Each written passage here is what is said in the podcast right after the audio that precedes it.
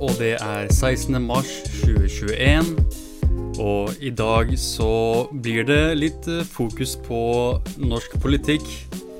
Vi vil se litt på eh, dette her med MDGs plan om å utvide mulighetene for sykkelveier i Oslo og hva det innebærer. Blant annet dette her med å kutte ned trær og erstatte det med nye trær, som eh, en konservativ person viser seg å være veldig sterkt imot. Og jeg vil bare se litt på argumentasjonen, se hva det er poenget er der.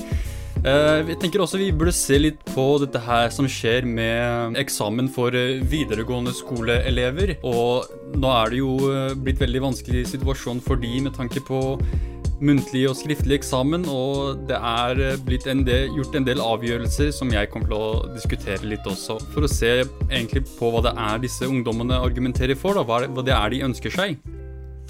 Eh, men før det så tenker jeg jeg går gjennom en, eh, en artikkel som jeg har skrevet om dette forholdet mellom innvandrere i Norge og rusmidler. Fordi det har jo vært slik at veldig mange i eh, media, eh, spesielt eh, flerkulturelle folk, da, har vist seg å være veldig sterkt imot rusreformen. I hvert fall det inntrykket media gir da, i stor grad, er at vanlige innvandrere, altså folk som ikke er politisk aktive, er imot denne rusreformen. Jeg syns ikke det representerer hva flerkulturelle nordmenn flest mener. Jeg tenker også å snakke om det som skjer med Joe Biden. Uh, veldig interessant. Det, det, denne nye planen hans som jeg har vært veldig spent på. Og vi har jo nettopp fått resultatene inn da, fra, fra Kongressen, hvor de har stemt uh, for å innføre denne planen til Joe Biden for å gjøre situasjonen til amerikanerne bedre. Og jeg vil diskutere litt der, og det er noen veldig interessante poeng og veldig mye man kan lære om amerikansk politikk basert på det, det resultatet som vi ser i, i, i Kongressen. Så da tenker jeg vi egentlig bare kan begynne med, med denne artikkelen som jeg eh, refererte til. Den jeg har skrevet om den, dette forholdet mellom uh, utlendinger, da, eller innvandrere, eller flerkulturelle nordmenn, hva enn det er du vil uh, beskrive folk som meg som, da. det er veldig mange ord for det, og man skal alltid prøve å være politisk korrekt. Og jeg forstår det godt. Det er veldig mange, veldig mange innvandrere som mener at uh, norsk media stort sett er veldig skeptiske og kritiske til utlendinger, og at det på en måte uh, rettferdiggjør graden av mistillit som veldig mange innvandrere har overfor mediene. Uh, men når man har alle disse forskjellige begrepene til å beskrive oss, når man ser at de prøver å ikke være fornærmende, at de prøver å være politisk korrekte, så må man egentlig gi dem litt cred, da, at de prøver å komme fram til beskrivelser av oss som ikke er så ekskluderende. Uh, og kanskje og til og med høres litt veldig fint ut, som dette her med flerkulturell uh, og Det, det, syns jeg er litt kult. Det er et bedre begrep enn innvandrer eller utlending. Det er jo litt mer sånn ekskluderende, men uh, når man har et annet begrep, så er det litt mer, litt mer finere. Men ja, uansett hva du vil kalle det. Ja, jeg tenker vi kan hoppe rett i det og begynne med denne artikkelen. Så jeg vil bare lese opp noen av de argumentene jeg kommer med her, og jeg håper du kan på en måte relatere til det jeg sier her. For jeg vet jo at det er veldig mange som er eh, flerkulturelle, som også hører på podkasten. Og eh, mange av dere er jo også for denne rusreformen som har kommet ut. Det er jo stort sett fordi mange av dere også er enig med selve lovforslaget, og mange av dere er til og med langt mer radikale i hva slags eh, ruspolitikk dere vil ha i forhold til hva rusreformen selv sier. Og jeg er også der. Jeg mener også at uh, rusreformen kunne vært litt mer radikal i hva den prøver å oppnå. Jeg, jeg syns at den, den, gjør en god jobb, men det er som jeg sa for et par år siden, at uh, den bringer oss halvveis, halvveis. At vi ennå ikke er halvveis med der vi burde være, men denne rusreformen på en måte putter oss i riktig retning. Men for en eller annen grunn så er det veldig mange som tror at dette her er slutten på alt. At rusreformen på en måte vil, vil føre til verdens ende. Så la oss se hva det er uh, Hivar Neheli har skrevet her. Så frykt for stigma, æreskrenkelse og det å muligens fremme fordommene rundt innvandreres bruk av eh, rusmidler er noe som bidrar til at vi sjelden hører fra folk fra disse gruppene som støtter rusreformen. Ikke for å si at vi ikke har noen innvandrere eller barn av innvandrere som støtter rusreformen. Vi har mange lokalpolitikere med flerkulturell bakgrunn som støtter rusreformen. Det skal være lov å ikke støtte rusreformen, men hvis ståstedet ditt er basert på misforståelser, spekulasjon og synsing, er det viktig å ta ett steg tilbake og revidere ens posisjon. Rusreformen handler om å bevege seg i en mer empatisk og proaktiv retning ved å eliminere frykten for straff, som igjen fører til at mange rusbrukere ikke får den hjelpen de ønsker seg eller trenger. Jeg hadde håpet at vi skulle diskutere behandlingsmuligheter og sette søkelys på hva behandling vil innebære, og hvordan det vil fungere i praksis. Dessverre er debatten blitt kapret av feilinformerte aktører som ennå ikke har forstått hva rusreformen egentlig handler om. Dermed snakker vi ikke lenger om hva behandling vil innebære, men om hvorvidt reformen vil føre til økt bruk, kriminalitet og mer lidelse. Spesielt har fokuset blitt rettet på de kriminelle miljøene. Debatten om forholdet mellom rusmidler og de kriminelle miljøer er viktig, men det er ikke det rusreformen handler om. Det er like irrelevant å ta opp gatesalg i Oslo som det er å snakke om kartellene i Sør-Amerika, eller forurensing som kommer av rusmiddelproduksjon i forhold til rusreformen. Ja, det er fascinerende aspekter, men ikke relevant for rusreformen. I diskusjonen om kriminelle gjenger pekes det ofte på flerkulturelle miljøer. Spesielt er det en fordom som peker på at det er ungdomsgjengene på Oslos østkant som er de største langerne på gata. De er definitivt de største langerne på gata, nettopp fordi de er på gata. De har ikke en egen leilighet å selge fra, en fin Tesla som de kan levere rusmidlene med, eller et stort nettverk av ikke-mistenksomme venner som kan rekruttere kjøpere. Vi uttrykker mer bekymring over den mørkhuda langeren på østkanten av Oslo enn den etniske norske langeren som selger 400 gram i uka fra leiligheten sin på vestkanten. Det er altså ungdommen på østkanten av Oslo som politiet arresterer oftere enn den ressurssterke ungdommen på vestkanten. Med andre ord, flerkulturelle ungdom er ofte de som har negative opplevelser med politiet, som da kan føre til økt mistillit blant uh, flerkulturelle. En stor andel av de ikke-vestlige innvandrerne er muslimer, og i islam er det strengt forbudt å ruse seg. Mange av oss kommer fra land hvor rusmiddelhandel er straffbart med døden, hvor man ikke skiller mellom cannabis og heroin, og hvor familiens ære krenkes hvis det blir avslørt at datteren røyker hasj. Selv om mange av oss har innlemmet oss i det norske samfunnet, har vi foreldre som ennå følger den strenge mentaliteten om rusmidler. Enten det er snakk om et glass vin eller litt cannabis. Og dermed komme ut som rusbruker kan føre til skam og stigmatisering. Så til alle flerkulturelle nordmenn som ikke støtter rusreformen, tenk på dette. Hva ville vært best for ungdommen vår som blir tatt for besittelse? At de blir ydmyket, avkledd og kastet på glattcelle og dermed tvunget ut av russkapet i håndjern? Eller at de skal blitt møtt med omsorg, forståelse og et ønske om å hjelpe de med å slutte med rusbruk? Det å komme ut mot rusreformen er nok bedre for statusen til ikke-vestlige innvandrere i Norge. Det vil forebygge fordommene om at flerkulturelle bruker rusmidler hyppigere enn etnisk norske, og gi inntrykk av at de er lovlige det, og flinke muslimer. Det som er viktigere enn sosial status og forebygging av fordommer, er å sørge for at ungdommen vår, og brukere generelt, ikke lider. Jeg har en interesse av at den som bruker rusmidler, ikke skal behandles som en kriminell, men at hun heller blir behandlet som en sårbar person som trenger hjelp. Det er nettopp det rusreformen forsøker å legge til rette for. Hvis vi bryr oss om ungdommen, så må vi vise at vi bryr oss om dem alle, ikke bare hun som er skoleflink, men også hun som er rusbruker. Det bør ikke handle om å gi inntrykk av at rusmiddelbruk er greit eller ikke. Det handler om å ikke ty til straff når helsehjelp kan være en bedre metode for å forebygge bruk. Vi har ingen rett til å påtvinge ungdommen vår moralske standpunkt overfor rusbruk. Det beste vi kan gjøre, er å vise dem at vi bryr oss om dem, uansett hva slags problemer de sliter med. Der hvor vi i dag ser en kriminell, kan vi etter rusreformen se en pasient. Altså en som sliter med avhengighet, depresjon, angst, ensomhet og ekskludering. Vi løser ingenting ved å fortsette med kriminaliseringen eller stigmatiseringen. Takk for meg. Det var eh, det jeg hadde skrevet om dette forholdet mellom eh, innvandrere eller flerkulturelle nordmenn eller utlendingen, hva enn det er du foretrekker, med tanke på begreper, og forholdet til uh, rusmidler. Og det, jeg vil legge Det jeg vil fokusere mest på her, er nettopp dette her med at det er veldig stigmatiserende for oss som kommer fra disse, spesielt disse muslimske miljøene, å komme ut som rusbruker. Det er veldig stigmatiserende, for det er veldig, veldig tabu i, i mange av disse miljøene. Det er ikke det samme som å komme ut som en rusbruker når man er etnisk norsk.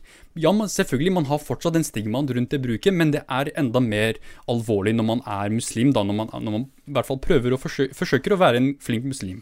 Uh, og fordi det går jo veldig sterkt imot uh, dette her med, med, islams lære og hva det innebærer. Uh, og cannabis er et annet. Uh, det er noe annet. Men der også, det er egentlig, det er egentlig ikke lov i islam å, å, drive med cannabis heller, med mindre det er snakk om medisinsk bruk, altså CBD-olje. CBD er, er akseptert, tenker jeg. For da, da, snakker man ikke om å ruse seg, men man snakker heller om å bruke det for medisinske fordeler. Um, men ellers, når det kommer til andre typer rusmidler, dessverre så er det ikke tillatt. Uh, og her igjen så peker jeg på at vi som på en måte har vokst opp i Norge, prøver å på en måte integrere oss i det norske samfunnet, og det innebærer til en viss grad rusbruk. Og stort sett så er det snakk om alkohol. Så veldig mange muslimer i dag som, som er veldig sterkt troende muslimer, drikker øl eller tar, tar, seg en glass vin, eller til og med bruker andre narkotiske stoff. Unnskyld, jeg mente ikke å si narkotiske stoff. Rusmidler, mente jeg. Eh, så det, det skjer også. Men uh, igjen, bare fordi vi har uh, vi har en generasjon av yngre innvandrere eller andre generasjons barn av innvandrere og flerkulturelle folk generelt, som er stort sett integrert i det norske samfunnet og er veldig norske, så må man huske på at eh, foreldrene er ofte ikke helt der ennå. og Spesielt ikke når det kommer til rusmidler, igjen fordi de kommer fra land hvor man har et veldig, veldig strengt syn på uh, rusmidler. Ikke bare pga. det religiøse aspektet, men også det sosiale aspektet. Man forveksler ofte rusbrukere med uh, tunge narkomane. Folk som har det veldig, veldig vanskelig, og folk som er uh, tungt avhengige av rusmidler. Um, og det, den, den, fordommen fortsetter jo. Og det er nettopp det jeg tenker vi må slutte med. Ikke bare her i Norge, men, men også eh, Eller ikke bare etniske nordmenn, men også flerkulturelle nordmenn. De må også sette seg ned og forstå at rusbruk Ja, det er alvorlig. Det er veldig alvorlig når ungdom gjør det også. Men det hjelper ikke å stigmatisere. Det hjelper ikke å se på dem som, eh, som, kriminelle og forbrytere. Vi må prøve heller å se på dem som folk som trenger hjelp. Hva er grunnen til at folk bruker rusmidler? Er det fordi de vil kose seg, fordi de, har, de vil ha det gøy, de vil feste? Ja, det finnes visse folk som bruker rusmidler for, for den grunn, men det, ikke, det, inkluderer ikke alle rusbrukere. De fleste bruker det fordi de frykter fra lidelse. Eller de forsøker å lindre smertene sine på et vis ved å ruse seg. Eh, og ting som ofte bidrar til lidelse, er nettopp dette her med angst, dette her med ekskludering, dette her med eh, depresjon. Det er veldig mange som finner en viss type lindring av sine smerter gjennom bruk av rusmidler. Og det er det vi, vi må takle her i samfunnet. Vi, vi, trenger, vi, løser ingenting ved å gå etter rusmidlene i seg selv. Rusmidler er bare ting. De i seg selv er ikke onde eller gode, de er bare en ting. Det er måten vi bruker det på som på en måte skaper enten et gode eller et onde. Så det er det vi må fokusere på her. De, de, de tingene som forårsaker de, de, negative opplevelsene som fører til rusbruk. Det er det vi må takle, ikke rusen i seg selv. Ikke rusbruken i seg selv. Det blir feil. Det er feil fokus. Det er absolutt feil fokus. Uh, og igjen dette her med rusreformen, sånn kjapt bare for å nevne det før jeg går videre her det er veldig bekymringsfullt at fokuset I begynnelsen så var fokuset på rusavhengige. Det er de vi skal prøve å hjelpe. Men plutselig så handler ikke debatten om tunge rusbrukere lenger. Plutselig handler det om gateselgere. Plutselig handler det om å støtte de som er kriminelle. Hvor kom det fra? Det er ikke det rusreformen handler om. Som hvis vi hadde hatt det som problematikk, som hvis det var det som var problemet her i Norge, altså situasjonen med kriminelle, så hadde vi ikke trengt denne rusreformen. Da hadde vi introdusert noe som er enda mer radikalt. Fordi rusreformen takler ikke dette her med kriminelle organisasjoner. Det er ikke det den er retta mot. Igjen, den er retta mot brukere. Folk som er brukere, folk som ikke lenger bør straffes. Folk som ikke får noe nytte av straff. Fordi vi har sett etter hvor mange år er det nå?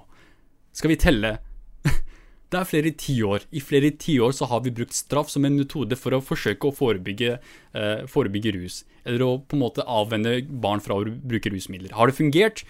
Vel, ifølge, ifølge, veldig mange konservative nordmenn så fungerer det fint med forbudet, og, på, og, samtidig så fungerer det ikke, fordi vi har mer og mer bruk blant ungdom. Så det er veldig sånn paradoksalt måten de argumenterer på, at ja, vi, forbudet fungerer, men samtidig så fungerer det ikke fordi det er mer hasjbruk blant ungdom. De er ikke konsistente i sin argumentasjon, men jeg tenker i hvert fall at eh, løsningen ligger jo ikke straffe. hvis vi først skal prøve å forebygge med behandling, så er det nettopp det vi burde fokusere på. Behandling. Hva er det rusreformen snakker om når de snakker om å, om å heller hjelpe? Hva skal det bety å hjelpe? Hvordan skal vi tilby behandlingen? Hvem skal tilby behandlingen? Hva vil behandlingen innebære? Det er det vi burde debattere. Jeg syns det blir veldig feil å plutselig rette fokuset på på kriminalitet, og hvordan vi skal beseire organisert kriminalitet, og hvordan vi skal hindre ungdom fra å tro at vi snakker om en legalisering og ikke en avkriminalisering av bruk og besittelse av mindre doser. Så eh, jeg burde egentlig, endre navnet til podkasten fra kompisprat til rusprat, fordi det blir veldig mye rusmidler. Men eh, la oss være ærlige. Denne rusreformen blant annet, og rusmidler generelt, er en av de viktigste sosialpolitiske eh, problemstillingene vi har akkurat nå i Norge ja, vi kan, vi kan, gjøre det bedre når det kommer til eh, likestilling mellom kjønnene. Vi kan gjøre det mye bedre med tanke på eh, likestilling mellom uh, de ulike etnisitetene også. Men når det kommer til rusmidler, så er det snakk om noe som absolutt alle sliter med. Altså alle forskjellige grupper da, i samfunnet. Alle har en lik grad av lidelse når det kommer til måten de blir behandlet på under dagens lover. Så det er en av de viktigste sosialpolitiske eh, spørsmålene vi har her i dag. Så det, det, gir egentlig mening å snakke så mye om det. Så du, jeg håper ikke du blir irritert over meg og tenker at å, han er bare en pothead som bare vil røyke hasj. Det er derfor han snakker om det. Nei. Det handler faktisk om å gjøre det som er riktig her. Og det er, det er jævlig viktig for meg at, at, vi faktisk kommer fram til en god politikk når det kommer til rusmiddelbruk. Også fordi nordmenn er veldig glad i rusmidler. Det er sant. Det, det, her hadde ikke vært et problem. Vi hadde ikke hatt et problem med overdoser og rusmidler generelt hvis ikke nordmenn elsket rus. Så det, det må vi ta, ta, hensyn til også. Eh, så la meg ta en kort pause, så kommer jeg tilbake for å snakke om dette problemet med MDG.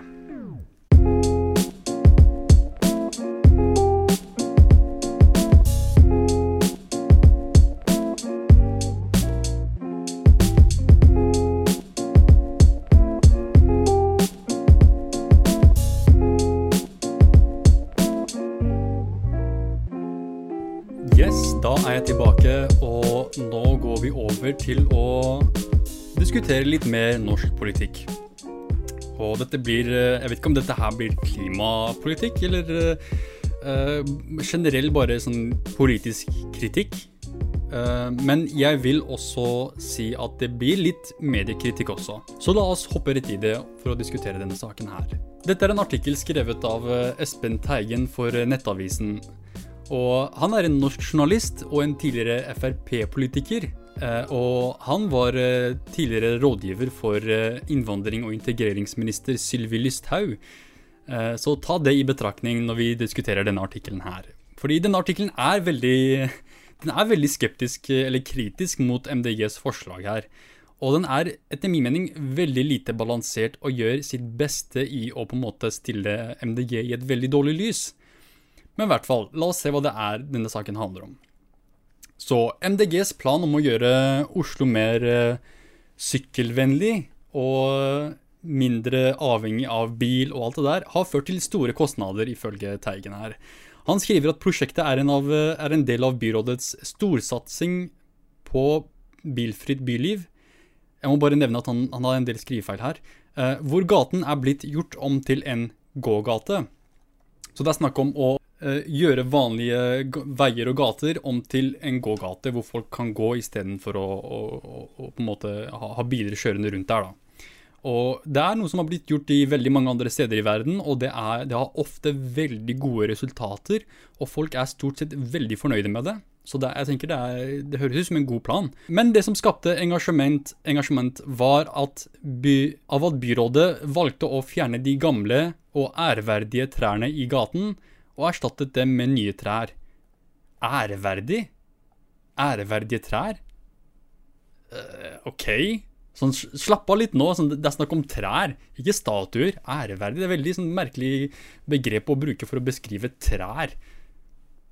Sånn, jeg kan tenke meg når han fyren her går rundt i skogen Oh my god, æreverdig skog. Æreverdig stein. Æreverdig sopp. Altså, æreverdig. Jeg dør av ære. Slapp av. Sånn, herregud. The fuck. Det er et tre. Uh, hvert fall, han skriver at uh, dette prosjektet, som uh, innebærer å kutte ned rundt tolv trær, eh, på denne gata her har kostet 3,8 millioner kroner. Eh, og på en måte erstatte de gamle trærne med nyere trær. Igjen, det er snakk om tolv trær. Det er ikke snakk om flere hundre trær, men det kostet 3,8 millioner. Eh, regningen inkluderer, eh, ifølge byrådet her, vanningsanlegg, vekst-B, vet ikke hva det betyr, trær, eh, oppstøtning og beskyttelse, og fjerning av eksisterende trær og røtter. Så det er altså ikke bare snakk om å hogge ned et tre og plante et nytt, nytt tre her. Det er, med, det, er som, det er, veldig mye som må tas i betraktning. Og det gir egentlig derfor mening, etter min mening, at uh, det kostet så mye. Problemet her ligger egentlig i de overdrevne kostnadene som uh, ikke nødvendigvis er byrådets feil, men heller de som, de som byrådet ansatt, har ansatt for å utføre dette prosjektet, som koster det virkelig så mye penger å gjøre dette arbeidet her. Uh, kunne, kunne, ikke det ha blitt gjort litt billigere? Og ja, jeg vet, ikke, sånn, jeg vet ikke hvem det er de ansatte for akkurat dette prosjektet her, men det er veldig, veldig mye penger for tolv trær, liksom. Det burde ikke ha vært så mye penger. Men igjen, jeg, jeg, jeg, tror ikke det er byrådets feil i seg selv. Kanskje de kunne gjort en bedre jobb i å forhandle en bedre avtale. Men uh, ja, det, hva kan man gjøre? Det er Norge. Folk, får, folk har høye lønninger her. Folk krever veldig mye penger for uh, service. Det må vi bare tåle hvis vi skal bo her i Norge. Her i Norge så har vi det slik, OK? Hvis du ikke liker det, kan du dra tilbake til uh, der du kommer fra. uh, Teigen skriver også at uh, Han skriver også om trærne her. ja, for han er, han er, tydeligvis veldig glad i trær. Antageligvis skal byrådet, byråd Land Marie Berg ha skrevet en forklaring i et brev her. Jeg, vet ikke om det er Teigen som har skrivefeil her, eller om det er Land Marie Berg som har skrivefeil, men det er uansett dårlig journalistikk, tenker jeg, når du ikke retter på skrivefeil, uansett hva det er så er det slik at i Norge så skal journalistene på en måte ikke, ikke redigere, men de skal på en måte fikse i hvert fall sånne ting når det er talefeil, når det er skrivefeil. Så skal journalistene endre på det og gjøre det riktig. Det er litt mer sånn amerikansk type journalistikk når man, eh, når man ikke retter på feil, når man på en måte siterer det direkte som, det, som, det ble, som sitatet ble, ble sagt. da. Uh, så det er litt sånn litt feil. Men i hvert fall jeg kommer til å endre på den grammatiske feilen her, når jeg leser opp sitatet. Så i hvert fall, uh, Land Marie Berg skrev det ble gjort en gjennomgang i forkant av anskaffelsen av hvilke arter trær som, passe, som kunne passe miljøet. Valg av rødlønn ble gjort basert på kriterier som frukt, blomstring, farge, kroneform og stamme. Det var ønskelig med høystammede trær med smal kroneform som slipper gjennom sollys. Så det er argumentasjonen at det her var et godt valg for, eh, for eh, hva slags type trær man skal ha i området. Og rødlønn, hvis du googler rødlønn, det er faktisk veldig fine trær. Det er veldig fine trær. Og eh, Nettavisen her har et bilde av de trærne som var her tidligere, og de er virkelig ikke æreverdige. De er patetiske, sånn seriøst. Er, det, er, det det beste, er dette det beste Oslo har i by på? En av verdens rikeste land, og hovedstaden har dette. Er det, disse trærne her virkelig det er litt patetisk. Så de, de, denne, disse nye trærne som uh, byrådet vil uh, erstatte de gamle trærne med, er faktisk en, en veldig god avgjørelse, for Rødlund er ganske fine trær. Etter min mening. Sånn, kanskje, kanskje, noen andre folk mener at man skal ha den gammeldagse type trær, men jeg syns det er et fint, fint, valg. Det er et veldig fint valg, og det er definitivt verdt de penga som det har kostet, hvis, hvis, det er sånn det vil se ut da, i, i disse gatene her hvert fall. Teigen skriver videre at eh, byrådet ønsker å plante totalt 100 000 trær i Oslo innen 2030. Her blir det også dårlig journalistikk. Han spekulerer om hvor mye det vil koste hvis de 100 000 trærne koster like mye som det kostet i dette tilfellet. Han sier at det vil koste 31,7 milliarder kroner for å erstatte Eller for å, for å plante 100 000, 100 000 trær. Ikke, som journalist er det ikke din jobb å spekulere om det, hvor mye det vil koste. Det er et politisk argument. Du er, du er ikke veldig objektiv. Eh, og hvordan vet du at eh, ja, Han tydeliggjør at det kanskje ikke vil koste så mye, men hvis det koster like mye som det her Men fortsatt, det er, det er ikke din jobb i å, å, på en måte komme med disse spekulasjonene for å skape inntrykk av at 'Å nei, dette her kommer til å koste veldig mye'. Er ikke du redd? Jeg er redd. Sånn, herregud, det, det, det er ikke din jobb. Sånn, slapp av. Um, Teigen snakker også med Cecilie Lyngby, som er politiker for eh, folkeaksjonen Nei til mer bompenger. Altså MDGs erkefiender. sånn ok, av alle folk du kunne snakke med med tanke på hva som skjer i Oslo Du tenkte ikke å snakke med Oslo-folk. Du, du, tenkte ikke å snakke med folk som kanskje bor i området, som vil få disse nye trærne, men du snakker med en person som har som sin hovedfiende i politikken MDG. Fordi MDG er en av de partiene som vil sette opp flere bomstasjoner, mens eh, Folkeaksjonen Nei til mer bompenger er åpenbart på motsatt side. Så de er, de er veldig fiendtlige mot MDG. Så det var litt sånn litt ekstrem person å få kommentarer fra. Og det er veldig mange sitater fra henne, og veldig få sitater fra Lan Marie Berg. Uh, hvert fall, Hun sier at dette er galskap. De har satt opp noen fisletrær. Fisletrær? Fisletrær.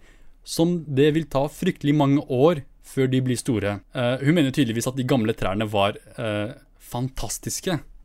Det er det ordet hun bruker. Fantastiske. Hun sier med pandemien mener jeg at alle slike prosjekter burde settes på vent. Pengene burde heller fordeles på næringslivet, som virkelig har behov, og ikke minst styrke det psykiske helsetilbudet. Det er mange som sliter nå. Jeg ville fokusert på det fremfor trær og sykler. Ok, jeg, jeg, okay nå ble jeg veldig uenig her. Det, det er faktisk den perfekte tiden akkurat nå å utføre disse prosjektene. Fordi gatene er jo ledige nå. Det er jo ingen folk som går rundt i gatene på samme nivå som det var før. Så hvis du skal på en måte ha veiarbeid, så er det nå du burde gjøre det. Fordi det er veldig lite aktivitet på, i gatene akkurat nå. Um, og dette her med at pengene heller skal fordeles på næringslivet Man har jo ordninger som skal ta hånd om dette her. Regjeringen har tatt det her, tatt det her i betraktning. Det det, de, de, har egne programmer for dette her. Uh, og dessuten skal man bruke dette argumentet for alt. Du kan, du kan, si det her om alle slags programmer. Alt, alt, som man gjør i Oslo, kan du si 'herregud, det trenger vi ikke å gjøre', vi burde heller fokusere på næringslivet og psykisk hjelp. Det kan du si om alt. Det er ikke veldig overbevisende argument. Uh, og spesielt ikke at nevde, at, at hun, peker på det med å styrke det psykisk, psykiske helsetilbudet. Dette er en artikkel vi snakket om i 2019. Eh, i 2018, faktisk. Det var i 2019 dette ble en lov. Og det er at uh, i 2019 så ble det bestemt at alle over 18 år må betale egenandel for uh, såkalt psykiatrisk ungdomsteam eller barne- og ungdomspsykiatriske poliklinikker. Altså at alle under 30 år har da ikke lenger fritak fra å betale gebyr på rundt 400 kroner for å besøke psykolog. Det som er trist, da, er at det ofte er folk under 30 år som sliter med psykiske problemer. Hvis du ser på selvmordsstatistikken i Norge, så er det slik at liksom rundt halvparten av de som tar selvmord, er i den aldersgruppen.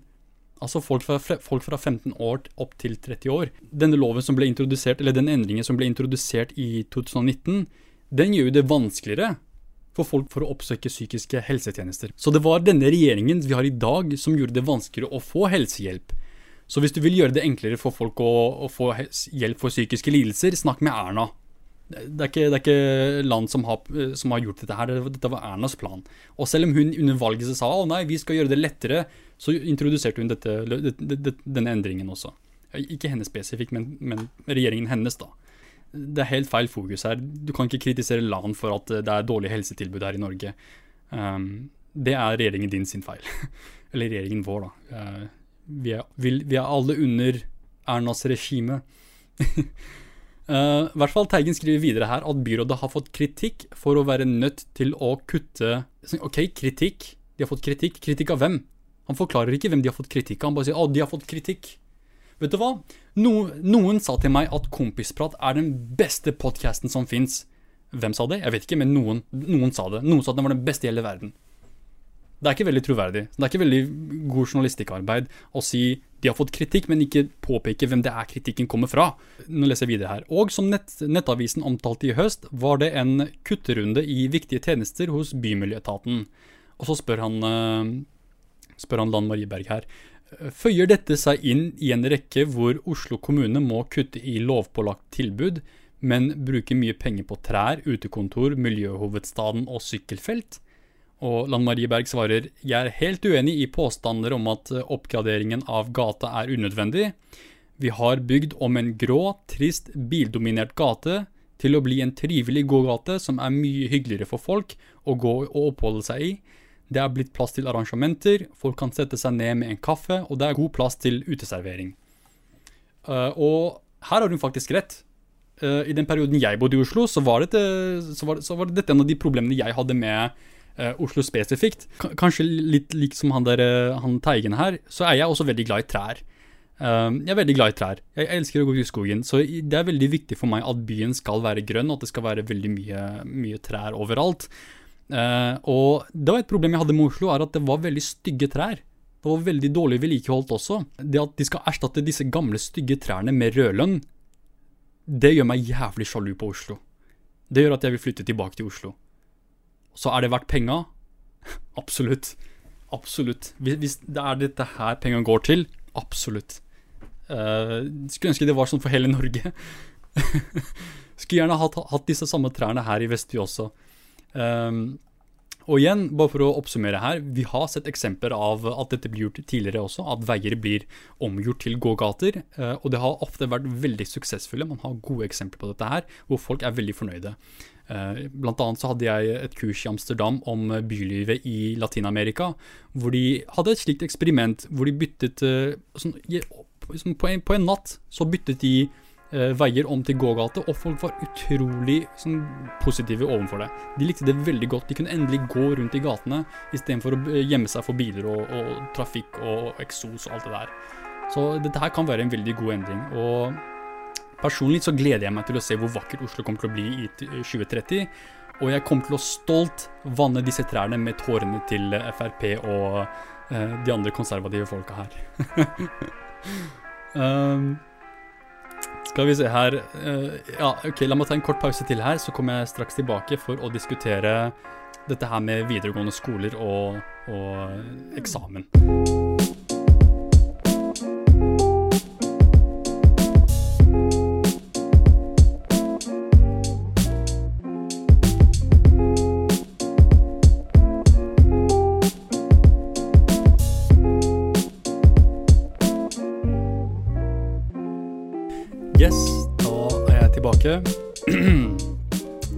Kan vi gå over til å diskutere denne videregående skolesaken her. Um, vi har ikke så mye tid på oss igjen, så jeg kommer til å gå gjennom ganske kjapt. For jeg vil absolutt komme til denne Joe Biden-nyheten jeg vil snakke om. Veldig interessante greier. Uh, så la oss se på hva det er NRK skriver her om uh, videregående muntlig eksamen. Det er en artikkel skrevet av Håvard Grønli, Anita Kristiansen og Trine Svanholm Misje. De skriver at eh, kunnskapsministeren vil at alle på videregående skole skal ha muntlig eksamen. Og dette er noen elever i, eh, på videregående skole veldig imot, bl.a. Kristine Mikkelsen og May-Linn Øgrim. Okay, nå blir det et par sitater her fra disse ungdommene. Det kunne heller vært helhetlig vurdering i de forskjellige fagene, slik at lærerne har noe å vurdere ut ifra. Dette mener Øgrim. Og jeg skal være ærlig med at jeg ikke helt er sikker på at dette er en god idé. Um, nå tenker jeg litt på meg selv her, for jeg var en av de elevene som hadde veldig dårlige karakterer i visse fag, men jeg gjorde det bra på eksamen. Og det var på en måte det som vippet opp min snittkarakter til å bli god nok til å komme inn på universitetet. Uh, så jeg vet, ikke, jeg vet, ikke, om det kanskje er noen andre studenter eller andre elever som er i samme situasjon som jeg var, og at uh, kanskje eksamen hadde vært til fordel for dem, da. Og eh, heller det enn å vurdere de ut fra fag, da, hvordan de gjør det i visse fag. Videre sier de at eh, vi ønsker å sikre en mest mulig rettferdig eksamensordning. Derfor mener vi at det er riktig at alle får én, og maks én eksamen. Ok, Så det er jeg enig i. At man bare skal ha én eksamen, og at alle bør ha den ene eksamen. Og jeg skjønner ikke hvorfor dette skal være noe problem, for å være helt ærlig. Jeg, jeg er som sagt veldig enig med disse her. og jeg tenker det kan være en god måte å løse dette her på, da, at alle i hvert fall har én eksamen, istedenfor at noen har to, noen har ingen osv. Men eh, jeg vet ikke om eh, utdanningssystemet for videregående skole har endret seg noe særlig siden jeg tok eksamen for seks år siden. Men i hvert fall på den tiden så hadde vi to møter med, med, faglærer. Det var veldig korte møter. På den ene dagen, så når man først fikk temaet sitt, da, så skulle man gå hjem og så planlegge muntlig eksamen, og så komme tilbake og presentere det på selve eksamensdagen. Og så fikk man i mellomtida fikk man litt hjelp eller veiledning fra faglærer. Men det jeg husker, da, var at det var veldig begrenset med hjelp. og Jeg følte ikke at jeg fikk den hjelpen jeg trengte. Uh, ikke for å si at læreren min var dårlig, absolutt ikke. Jeg er veldig fornøyd med den graden av hjelp hun kunne tilby, men igjen, de er begrenset i hvor mye de kan hjelpe. Uh, så jeg ser egentlig ikke poenget med å på en måte ha tilstedeværelse på skolene for å kunne få den hjelpen de trenger for å kunne gjøre det bra på muntlig eksamen. De, de eksamensforberedelsene kan gjøres hjemme. Det var jo det stort sett eh, mine eksamensforberedelser eh, gikk ut på. Var å være hjemme, øve hjemme, forberede manus hjemme. Alt det der. Det, det er veldig mulig å, på en måte gjøre det bra på muntlig eksamen under disse tilstandene vi har i dag med, med korona. Uh, men jeg ser også poenget med å avlyse alle eksamener. Vi har jo allerede avlyst alle skriftlige eksamener, det er bare snakk om muntlig eksamen her. Skoleåret har jo ikke akkurat vært veldig lærerikt, kan jeg tenke meg, med tanke på at det har vært veldig vanskelig å på en måte følge med i timene når alt skjer gjennom en skjerm på Zoom. Um, det er jo ikke helt det samme som å være i klasserommet og lære fra læreren direkte. Uh, så det blir egentlig litt På den ene siden så blir det egentlig litt rart at dette kullet her er de eneste som ikke har uh, eksamenskarakter. Men igjen så er jo det veldig, en veldig spesiell situasjon akkurat nå. Og mange av de vil jo ikke ha noen eksamener i det hele tatt. Og jeg mener at vi skal høre på de. Vi skal høre på ungdommene når det gjelder hva det er de vil når det kommer til eksamen. Og de uttrykker bekymrer i grunn dette her med å ha muntlig eksamen i det hele tatt, noen av de i hvert fall. Og jeg mener vi bør høre på de når det kommer til dette her også. Um, det hadde jo vært veldig synd hvis elever som får gode karakterer til vanlig, får en dårlig karakter under eksamen, som da vipper de ned og gjør det litt vanskeligere for dem. Og igjen, jeg var en en av de kanskje litt mindre dyktige elevene på skolen, men muntlig eksamen var det som vippet meg opp fordi jeg var flink på muntlige fag. Og fordi jeg elsket å presentere, og jeg hadde aldri et problem med det. Men uh, ungdom flest er jo ikke slike. De fleste er, blir, blir veldig nervøse, og de er jo ikke noe glad i å presentere foran tavla. Men igjen, det er egentlig ikke opp til oss voksne å bestemme. Dette her burde være noe som ungdommene selv bør avgjøre. Sånn, hva er det de foretrekker? Og jeg tenker at uh, hvis mange av de mener at vi bør avlyse all eksamen, selv muntlig også, så, så bør det være det beste her. Uh, fordi vi må seriøst slutte med å på en måte ta avgjørelser som påvirker ungdommen, uten å høre på hva ungdommen selv mener. Uh, og jeg husker det irriterte livet av meg. Sånn, sånn herregud, disse folka her er liksom 50-60 år, og de skal bestemme hva vi som er på 16-18 år skal uh, gå gjennom her. Det gir ikke mening, de forstår jo ingenting, de hører ikke på oss engang. Så jeg tenker vi burde slutte med det der. Jeg tenker vi burde starte å høre mer på hva ungdommen mener, og, og ta det i betraktning når vi skal avgjøre hva slags lover vi skal anvende til, på de, da, hva, hva, vi skal forvente av de. Kanskje det finnes visse ungdom der ute som hadde tjent på å ha muntlig karakter også, kanskje de hadde gjort det bra, men uh, igjen, hør på ungdommen her. La, la, de avgjøre hva det er de vil. vil de, hvis de ikke vil ha eksamen, kutt eksamen helt. Er, vi har jo allerede sagt at det er greit med å ikke ha skriftlig eksamen. Hvorfor ikke muntlig også? Vi kan like godt bare gjøre det. det er, hvis det er mulig å slippe unna med, med ingen eksamen når det gjelder skriftlig, så burde det være mulig for muntlig også. Så, uh, siste nyheten her er, uh, handler om uh, Joe Biden. Så Joe Biden vant valget i 2021. Og jeg vet at det er veldig mange progressive folk der ute som er veldig misfornøyde med dette resultatet, blant dem meg og mange av oss hadde foretrukket hvis Bernie Sanders vant, men det er jo ikke slik. Det er slik at Joe Biden vant, og vi må bare finne oss i det og på en måte gjøre det beste ut av situasjonen. Og jeg var en av de største kritikerne av Joe Biden under valget. Jeg hadde veldig mange videoer og podcast-episoder hvor jeg gikk hardt til angrep på Joe Bidens mange tåpelige forslag. Uh, og det er en ting som jeg vil kritisere ham for i dag også. Men jeg tenker vi bør være rettferdige. Så hvis Joe Biden gjør noe som er positivt, så skal jeg være ærlig og gi han ros der han fortjener det. Og det vil jeg faktisk gjøre med, med tanke på ny, dette lovforslaget han har kommet med nå, som, uh, som, jeg vil gi han ros for. Og dette er Bidens såkalte American Rescue Plan Act av 2021, også kjent som eh, COVID-19 Stimulus Package. Um, igjen, dette er en av de svært positive tingene som Joe Biden har bidratt med. Så hva er det, hva er det dette her innebærer? Hva er det denne planen innebærer? Jo, det innebærer en eh, økt sum penger til de som er blitt arbeidsløse som et resultat av eh, viruset. Samtidig får hver amerikaner 1400 dollar av staten. For nå er dette her snakk om et engangsbeløp, og det var veldig mange progressive folk som mente at dette burde vært 2000 dollar, men Joe Biden har kompromissert og endte opp med 1400 dollar i stedet. Eh, det var også snakk om å inkludere en økt eh, minstelønn til 15 dollar inn i denne planen her. Eh, det ble skrapet fordi igjen Joe Biden ville kompromissere, så han ville ikke ha noe som muligens ville gjøre at republikanere ikke støttet denne planen. Han ville ha så mye støtte fra republikanere som mulig, så han kompromisserte ved å fjerne minstelønneforslaget. Uh, videre så er det slik at uh, det blir lønnet permisjon til en sum av 100 millioner dollar for folk som er blitt arbeidsledige, eller folk som ikke kan jobbe under, dette, under denne pandemien. De har også økt foodstand-programmet med 15 Det er også økt støtte til små bedrifter, til skoler, og økt støtte til eh, covid-19-programmer som eh, testing, vaksiner, utstyr og folkeopplysning. Det er altså veldig mye som eh, denne planen innebærer. Det er ikke bare disse tingene her, det er en haug av andre ting, og det er veldig mange detaljer også. Så det er en veldig god plan. Og alt i alt så koster planen 1,9 billiard dollar. En billiard er det er ikke biljard som i spillet, det er, det er, en million milliarder. Så det er veldig mye penger som har blitt investert i dette, i dette prosjektet her. Um, og forslaget ble stemt gjennom i Representantenes hus. Eh, Kongressen godkjente dette forslaget, så det vil bli introdusert for USA, og det er veldig gode nyheter. Uh, så hva var resultatet?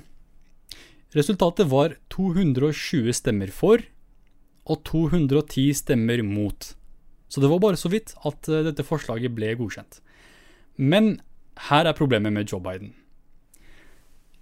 Og det er nettopp det jeg personlig fryktet med han, og det er, noe som jeg vil kritisere han for. Og det er det at han er villig til å strekke ut en hånd til republikanere. Og han er villig til å kompromissere eh, til fordel for republikanere for å sørge for at de vil samarbeide med han eh, mer så enn han er villig til å samarbeide med progressive folk. Du tenker kanskje, men Hivar, det er dette politikk handler om. Det handler om å kompromissere med opposisjonen. Vi må samarbeide med opposisjonen om å samarbeide og komme fram til en løsning som vi begge kan, begge kan være enige i. Ikke sant? Jeg må liksom kompromissere min ståsted, slik at du også stemmer på forslaget. Slik at det blir uh, slik at forslaget kommer gjennom. Og åpenbart så er det slik at uh, forslaget ble vellykket. Det er 220 stemmer for og 210 stemmer mot, så det var en veldig god løsning å kompromissere. Falskt. Nei. Feil. Jeg vet ikke hvor mange måter jeg kan si nei på, men nei. Vet du hvor mange republikanere stemte for dette forslaget? Null. Null republikanere stemte for dette forslaget her. Hva var grunnen til å kompromissere alle disse lovforslagene for å på en måte, på en måte tilfredsstille republikanerne, når republikanere ikke stemte for dette forslaget, når 210 republikanere, altså alle republikanerne, stemte mot det uansett. Hva var poenget da? Sånn Åpenbart så har ikke Joe Biden lært noe som helst etter åtte år i regjering med, med, med Barack Obama. Når Barack Obama ble møtt med såpass mye opposisjon av republikanere, så, lærte, så, så forsto Joe Biden ikke noe som helst. Han skjønte ikke at republikanere er et opposisjonsparti som vil gjøre alt de kan for å hindre demokratene, uansett hva det er. Selv om lovforslagene som, eh, som de kom med, var republikanske lovforslag, altså Affordable Care Act, som de kalte Obamacare, var et republikansk lovforslag. Det var republikanerne som designet det lovforslaget. Og likevel stemte republikanerne mot det fordi det var Obama som introduserte det. De kalte det Obamacare når det het Affordable Care Act, så det ble kjent som Obamacare. Og, og de kjempet så hardt imot det. Og det som er trist, er at Joe Biden lærte ingenting. Han lærte ingenting. Han gjorde de samme problemene som eh, Barack Obama gjorde. Og det er at Barack Obama også hadde flertall i regjeringen. Når han kom i regjering, så hadde han flertall i parlamentet. Kongressen og senatet, det var flertall for Obama. Så han kunne egentlig gjøre hva han ville. Og likevel, selv med, selv med flertall av stemmer, så velger han å kompromissere for å få samarbeid av folk som ikke vil samarbeide med han. Som, hvor, mange, igjen, hvor mange stemmer fikk han for å kompromissere? Hvor, hvor, mye støtte fikk han fra republikanerne? Null. Null. Det var helt meningsløst å kompromissere. Han kunne ha introdusert hva han ville. Han kunne ha inkludert, inkludert alt han ville i denne planen, og det ville fortsatt gå gjennom. Fordi igjen 220 stemmer for, 210 stemmer imot. De 220 stemmene alle demokrater. De 210 stemmene, alle, alle republikanere. Så det var helt meningsløst. Det var helt meningsløst å kompromissere. Ja, noen vil kanskje kritisere meg og si Hivar, du forstår ikke, du skjønner deg ikke på amerikansk politikk. Det handler ikke om å tilfredsstille republikanerne, det handler om å tilfredsstille de korporatistdemokratene. Ok, ja vel, er det det det handler om? Handler det om at eh, Joe Biden ikke har kontroll over sitt eget parti? Disse, disse korporatistdemokratene hvem er deres kandidat? Hvem var deres kandidat under valget i 2020? Joe Biden. Hvem var de progressives kandidat? Bernie Sanders. Hvem var det som vant? Joe Biden vant. Så de kooperatistdemokratenes kandidat vant. Det er de Joe Biden prøver å tilfredsstille. Han er jo allerede på samme side som dem. Så hva var denne kompromissen for? Det var ikke for de heller. Det var bare en fuck you-finger til de progressive. Sorry, ass, men det var det det var. Det var en fuck you-finger til disse, disse progressive eh, stemmene i Det demokratiske partiet. Fordi de ville ha så mye mer inkludert i denne planen. Men han takket nei til det. Så nei, vet du hva. Jeg skal heller kompromissere med meg selv enn å kompromissere med progressive folka. Det er veldig trist. Det er veldig trist. Sånn, Demokratene de vil heller hemme seg selv enn å gjøre noe som helst som vil fremme de progressives kamp. Uh, og den type sånn selvopposisjon, kan man kalle det det, den type selvopposisjon fant man ikke hos, hos republikanerne.